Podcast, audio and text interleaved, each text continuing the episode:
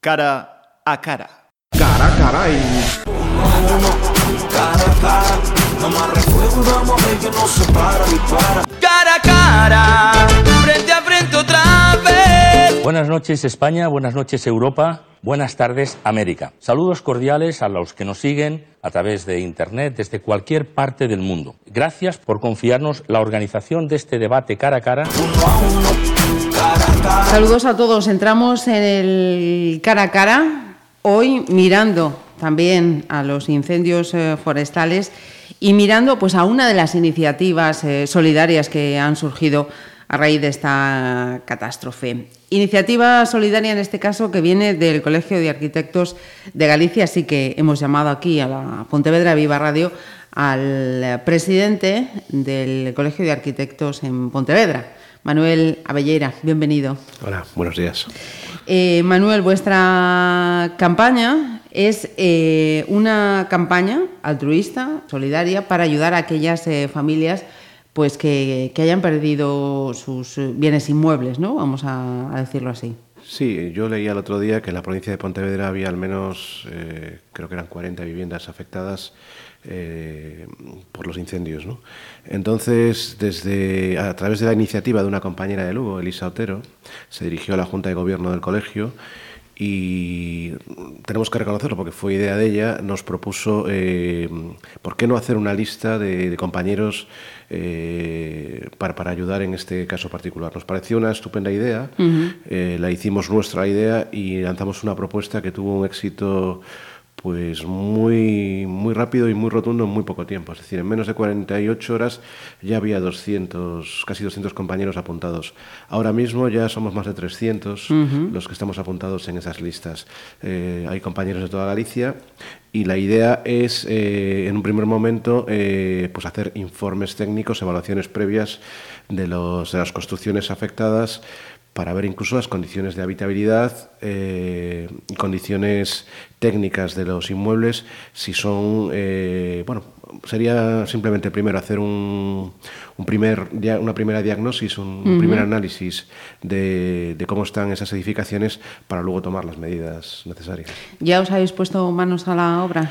A ver, eh, sí, ya hay una, hay ya montada una, como una especie de, de plataforma dentro de nuestra página web.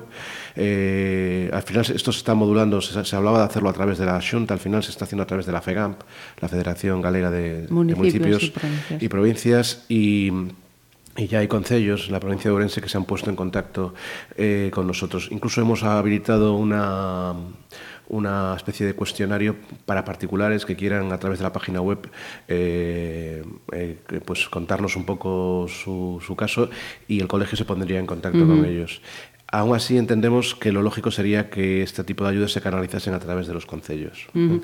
eh, entiendo entonces que lo que estáis haciendo es eh, ver ahora la respuesta para uh -huh. organizar la acción, o sea, es decir, que todavía no habéis ido eh, a, esos sí. edificios. A ver, sí? Sí? estas cosas, eh, bueno, aunque tú aunque haya una premura, porque la hay, es decir, bueno, pues hay gente que ahora mismo está en situación, una situación personal muy difícil, muy, muy difícil, complicada. muy complicada, lleva un cierto tiempo mínimo y hemos intentado minimizar los tiempos de, de, espera. De, no, de respuesta, Ajá. pero bueno, lo, ya está activo el tema y ya las, las primera, los primeros compañeros que van a, a, aportar su ayuda pues lo harán en, en breve. ¿eh? Uh -huh.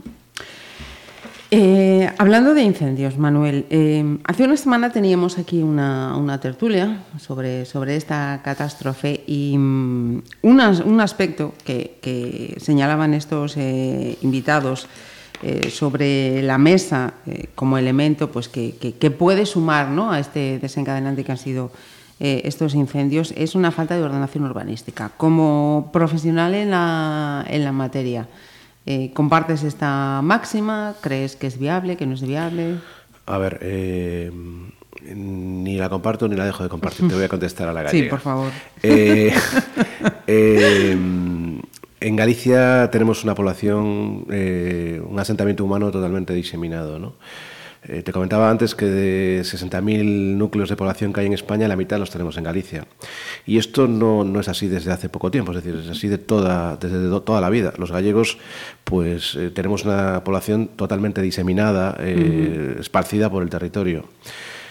Eh, otra cosa son efectivamente las, la- las leyes y las, eh, las normativas que, por ejemplo, eh, no permitan recalificaciones de, de suelo en, en terrenos que tengan protecciones forestales o que hayan donde se hayan producido incendios. Ahí estoy de acuerdo que sí que hay que ser muy limitativo con, la, con el tema de, las, eh, de la ordenación urbanística. En cuanto al asentamiento humano, es nuestra forma de ser, nuestra idiosincrasia, y eso es muy difícil ordenarlo o querer cambiarlo. Eh, porque, insisto, eh, es como somos. O sea que eh, el elemento eh, aportación, ayuda en positivo sería introduciendo esas máximas en los planes generales de ordenación. Sí, eh, en, en lo que son los planeamientos urbanísticos, controlar que no haya recalificaciones urbanísticas y luego ya a nivel, pues de, me imagino que te habrán contado, a nivel de, de especies, plantaciones de especies autóctonas, eh, eh, que no sean especies pues como el eucalipto, ¿no? que siempre está en la boca de todo el mundo, eh, de frondosas que permitan pues que crecimientos rápidos y que pues lo que ocurrió el otro día, ¿no? que que ante un fenómeno meteorológico con una sequedad del ambiente, con un viento elevado y pues con una temperatura elevada se puedan producir unos fenómenos que desgraciadamente en muy poco tiempo pues produjeron eh, y si una cantidad de fuegos tremenda y eso si eso lo sumas además a la acción del hombre que seguramente haya habido eh, muchos incendios pues por negligencias o, o incluso a lo mejor alguno provocado Intencionalidad, intencionalidad pues es un cóctel explosivo ¿no? Eh, Manuel, no puedo eh, dejarte escapar sin preguntarte algunas cuestiones de, de- de actualidad que atañen a, a vuestra profesión. Y es que acaba de ser aprobado ese proyecto de ley de contratos del sector público. Es una normativa eh, que incluye buena parte de las enmiendas que había planteado el Consejo Superior de Colegios de Arquitectos de España y por las que quería preguntarte. ¿no? Eh, varias máximas entiendo importantes eh, para vosotros. Una de ellas, que te pido que, nos expliques, es qué significa el hecho de que este proyecto de ley reconoce la arquitectura como sujeto específico de la contratación. Bien, porque hasta ahora los, la Administración eh, ponderaba o valoraba más, eh, a lo mejor a la hora de dar un, la, la adjudicación de una obra un- arquitectónica, el, el aspecto económico. Entendemos eh, los arquitectos que hay que valorar más el- lo que es la propuesta arquitectónica. Es decir, tiene eh, que al menos valorarse, eh, no, no solo valorar el aspecto económico a la hora de, de, de como recogía la antigua ley de contratos, eh, a la hora de, de- de que las administraciones puedan, pues eso, eh, dar una obra a un, a un gabinete técnico. Esto es, y lo, dice, ¿no? que la valoración de las propuestas eh, se va a tener que hacer una vez que, se convierta ya en la nueva ley, que tenga en cuenta únicamente los criterios arquitectónicos prevaleciendo sobre A ver, sobre es lo que estamos pidiendo desde hace muchos años desde el colegio, ¿no? que se convoquen concursos de arquitectura o concursos incluso de ideas, porque creemos que la idea la- el- el- es lo más importante en, en- en cu- en cualquier proyecto arquitectónico. Eh, hemos pasado una, una época muy difícil de crisis y podemos entender que la Administración eh, se basase solo en criterios económicos, pero para que un proyecto, sobre todo en obra pública, eh, donde bueno pues eh, de alguna forma se evidencia el reflejo de la sociedad y eh, donde los técnicos posiblemente tengamos más libertad a la hora de poder eh, eh, edificar o construir un edificio es muy conveniente que sea la propia administración la que nos ampare y, nos proteja eh, valorando más las ofertas eh, arquitectónicas. Además, también incluye que se va a tener que mm, compensar a aquellos participantes en, en estos concursos por los gastos que le reporta, eso se habla cuando pasen ya una, una segunda fase. Hombre, eso tiene cierta lógica. Y es que el, el hacer una propuesta para un concurso, que no siempre se ganan, evidentemente, cuando tú eh, vas a una licitación y hay pues un montón de, de compañeros que quieren a la vez que tú eh, compiten contigo en, en la obtención de un trabajo, eh, eso lleva muchísimo trabajo el preparar esas propuestas. Y al menos los que lleguen a la fase final, pues que tengan recompensado los gastos, ¿no? porque se dedican muchas horas, mucho capital humano eh, en los estudios a, a- a poder elaborar esas propuestas y luego pues a lo mejor no, no reciben ninguna remuneración. Por eso se, se solicita desde el Consejo esa... Eh, por lo que he leído, estamos ante una proposición de ley con unas máximas que van a ser pioneras en Europa.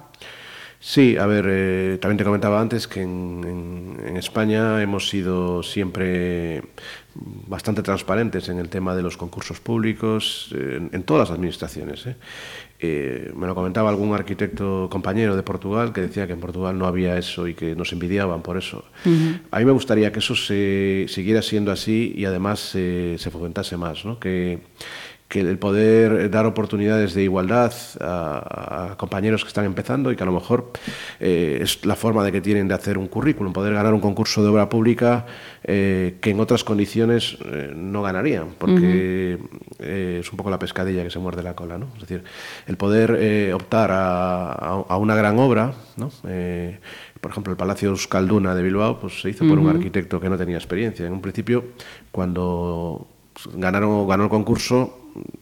el- el- la propia entidad convocante, la- el gobierno vasco, se preguntó si, si tenía esa capacidad técnica.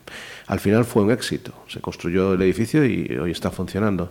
Pero bueno, eh, le dio la oportunidad a un arquitecto que hoy está totalmente pues, consagrado de poder empezar con una obra pues, potente. Mira, y eh, ya que hablabas antes de esa tesitura de, de crisis, a pie de, a pie no, casi saliendo ya o llegando a la línea de meta de este 2017, eh, ¿cómo está el, el sector en el ámbito público y en el ámbito privado, que son dos varas de medir a tener en cuenta? A ver, yo... eh, todo- todos los periodistas me preguntáis esto. Eh, si ¿Por ya, qué si será? ya- si ya, sí, si ya estamos fuera de la crisis. Yo siempre le respondo lo mismo. Yo creo que a nivel Pontevedra, a nivel nuestro entorno, seguimos en crisis. Es decir, no, no hay esa... Alegría esa de- alegría de, de grúas y de construcción. Es cierto que lo más gordo yo creo que ayer sí ha pasado, ¿no? Pero realmente, eh, por ejemplo, lo que es la edificación plurifamiliar, las promociones de viviendas no se han vuelto a hacer. Eh, no se están planteando, se están reactivando las que estaban paradas. Entonces esa es pues, una imagen ahora mismo de decir, bueno, hay, hay alguna construcción, sí, pero son incluso edificaciones o proyectos que fueron licenciados eh, eh, con la anterior normativa. la, la normativa vigente, que es el Código Técnico de la Edificación, es mucho más restrictivo y, y- y va a hacer que, los, que el producto final, que es la vivienda, tenga mayor calidad porque tiene mayores exigencias, pero también lo va a encarecer. Eh, porque bueno, eh, también exige a los técnicos y a los constructores eh, elaborar más, más eh, los edificios porque los requerimientos son mayores. ¿no? Mira, y antes de terminar, te preguntaba por esa, ese proyecto de ley de contratos del sector público, pero en el ámbito gallego también han sido estos días, se ha aprobado también una normativa, eh, no sé si es correcto lo que voy a decir, corrígeme, contra ese feísmo ¿no? Eh, en la construcción que, que venimos Bueno, yo arrastrando. discrepo de que sea contra ese feísmo. Desde hecho, de hecho, desde el colegio nosotros eh, eh, entendemos que hay que darle la vuelta. Es decir, no, no hablamos de feísmo, sino hablamos de, de que eso nos parece lo anecdótico, ¿no? lo que, con lo que se queda la gente, el- el somier que cierra una finca, pero realmente lo que tenemos que poner en valor es la arquitectura de calidad. Eh, lo que se ha aprobado es una guía de materiales y colores, Sí. eh, dividida en, en distintas subzonas en Galicia. Y bueno, incluso hay compañeros que la critican porque dicen que bueno que es casi una imposición y que la libertad debe estar ahí a la hora de proyectar. A mí no me parece mal porque son recomendaciones, no son obligaciones. Eh, pero insisto, en el tema del feísmo, eh, nosotros queremos darle la vuelta desde el colegio y sobre todo, pues hace unos días teníamos en Ourense la entrega de los premios Grande Area, Grande Area, donde sí que había arquitectura de mucha calidad y, que se reflejaban eh, obras eh, hechas por compañeros, muchos de ellos muy jóvenes, en el sur de Galicia, tanto en las provincias de Ourense como de Pontevedra, que, que sí que merecen la pena. Pero, mm, con, con permiso, Manuel, lo que no podemos evitar es eso, es- esas estampas, eh, efectivamente. Sí, que- a ver, eh, yo no voy a negar lo que es evidente. Es decir, en Galicia hay algunas desfeitas eh, sí, sí, importantes y, y bueno, eh, es cierto que a veces las viviendas no se receban o no se enfoscan y, nos- y las dejamos con ladrillo visto. Eso también pues, viene de un tema eh, económico y a la vez cultural, ¿no? El- lo que decimos, el poco amor a lo público que tenemos los gallegos. yo creo que eso se combate con cultura, ¿no? con, con, con, con aprendizaje, con enseñanza eh, desde pequeños y con amor a, a- a lo público, ¿no? a lo común. Eh, pero insisto, nosotros desde el colegio no estamos a favor de, de esas campañas eh, que, que ponen solo en, en la picota el- lo más anecdótico y Ajá. lo más, eh, a veces lo más, eh, no sé, significativo, pero realmente Superfluo, ¿no? Lo que Sí, está por encima, eh, lo, ¿no? que, Lo que hay... Detrás siempre hay una realidad, no es lo que queremos decir. Y a lo mejor ese señor que no acaba su casa o ese señor que, que hace una casa con forma de castillo, ¿no? Como podemos poder- habría que preguntarle por qué lo ha hecho. ¿no? Entonces, eh, es, es por, lo- por donde lo queremos enfocar. Y ya la última pregunta, eh, Manuel. Hemos eh, visto también que el, el colegio acaba de hacer una visita aquí a Vilaboa, a las Salinas, a ese espacio eh, natural. ¿Cuál ha sido el objetivo que habéis eh, planteado con esa A iniciativa ver, este año? eh, el, el primer lunes de octubre de cada año se celebra el Día Mundial de la Arquitectura. Hay una- un organismo que es internacional, que es la Unión Internacional de Arquitectos, que cada año elige un lema, ¿no? Un lema para que los arquitectos en las distintas delegaciones o en las distintas eh, zonas eh, en las que están representados puedan de alguna forma evidenciar ese lema. Este año el lema era sobre la- el cambio climático y la sustentabilidad. Estuvimos viendo varias opciones eh, y nos pareció la de las salinas, las salinas que ahora mismo ya no existen, existieron hace en el siglo XVII, XVIII, nos pareció una forma de aprovechamiento de un recurso natural, además eh, estupenda, eh, muy próxima a, a- a Pontevedra, porque está ahí en Vilaboa, está aquí al lado, en el fondo de la Ría de Vigo, en, en un esteiro precioso que hay allí. eh, os invito a todos a visitarlo. Y, y además tienen eh, unas ruinas de, de los edificios que, que los propios eh, jesuitas, que eran los que los jesuitas de Pontevedra, que habían explotado esas, esas, Salinas. esas salinas y que tienen un, un valor arquitectónico importante. ¿no? Entonces se visitaron las ruinas, se visitaron la- lo que fue la- las salinas y se hizo un recorrido por todo el parque que hay allí, que lo tienen, la verdad, pues eh, muy bien cuidado por parte del Concello de Vilaboa y, e insisto, invito a todo el mundo a que, a que lo conozca porque es un paraje muy próximo y a lo mejor muy desconocido para la gente. Pues eh, iba a poner el punto final, pero es que tenía aquí, estaba dándole vueltas a, a eso último que acabas de decir. eh, arquitectura, cambio climático. ¿Eso es una ecuación directa, indirecta? Sí, sí, por supuesto. Es decir, desde la, arq- la arquitectura eh, puede ayudar mucho a la reducción de, de- los monóxidos de carbono, de los gases eh, contaminantes, con la utilización de materiales sostenibles, con la, con la eh, utilización de de medios eh, para, para poder utilizar, por ejemplo, paneles solares, eh, geotermia, todo lo que es eh, eh, sistemas de, de combustión que son alternativos a, a- a los, eh, a los fósiles, ¿no? al petróleo, y que de alguna forma eh, ayudan a reducir lo que es el, el agujero de la capa de ozono, el efecto invernadero, y que con una arquitectura sostenible, como una bioarquitectura eh, o arquitectura bioclimática, se, puede, se puede reducir y, y cada uno puede aportar su pequeño grano, de arena. grano de arena. sí.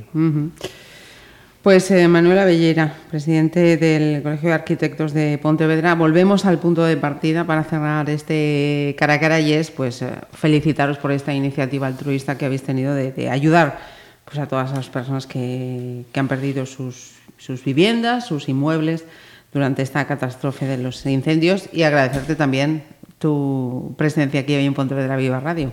Pues muchas gracias y nada más, simplemente decirle que a la gente que pueda estar interesada en, en tener mayor conocimiento de este tema, que, que entre en nuestra página web, que es www.coac.es y ahí encontrará la información que necesita. Lo añadiremos además en esa información que complementamos Muy bien. en, nuestra, en nuestro periódico digital. Muchas gracias. Hola, ¿qué tal amigos? Bienvenidos como siempre a una nueva emisión de su programa Cara a Cara. Mira la cara a cara que es la segunda. Cara a cara. Pontevedra Viva Radio.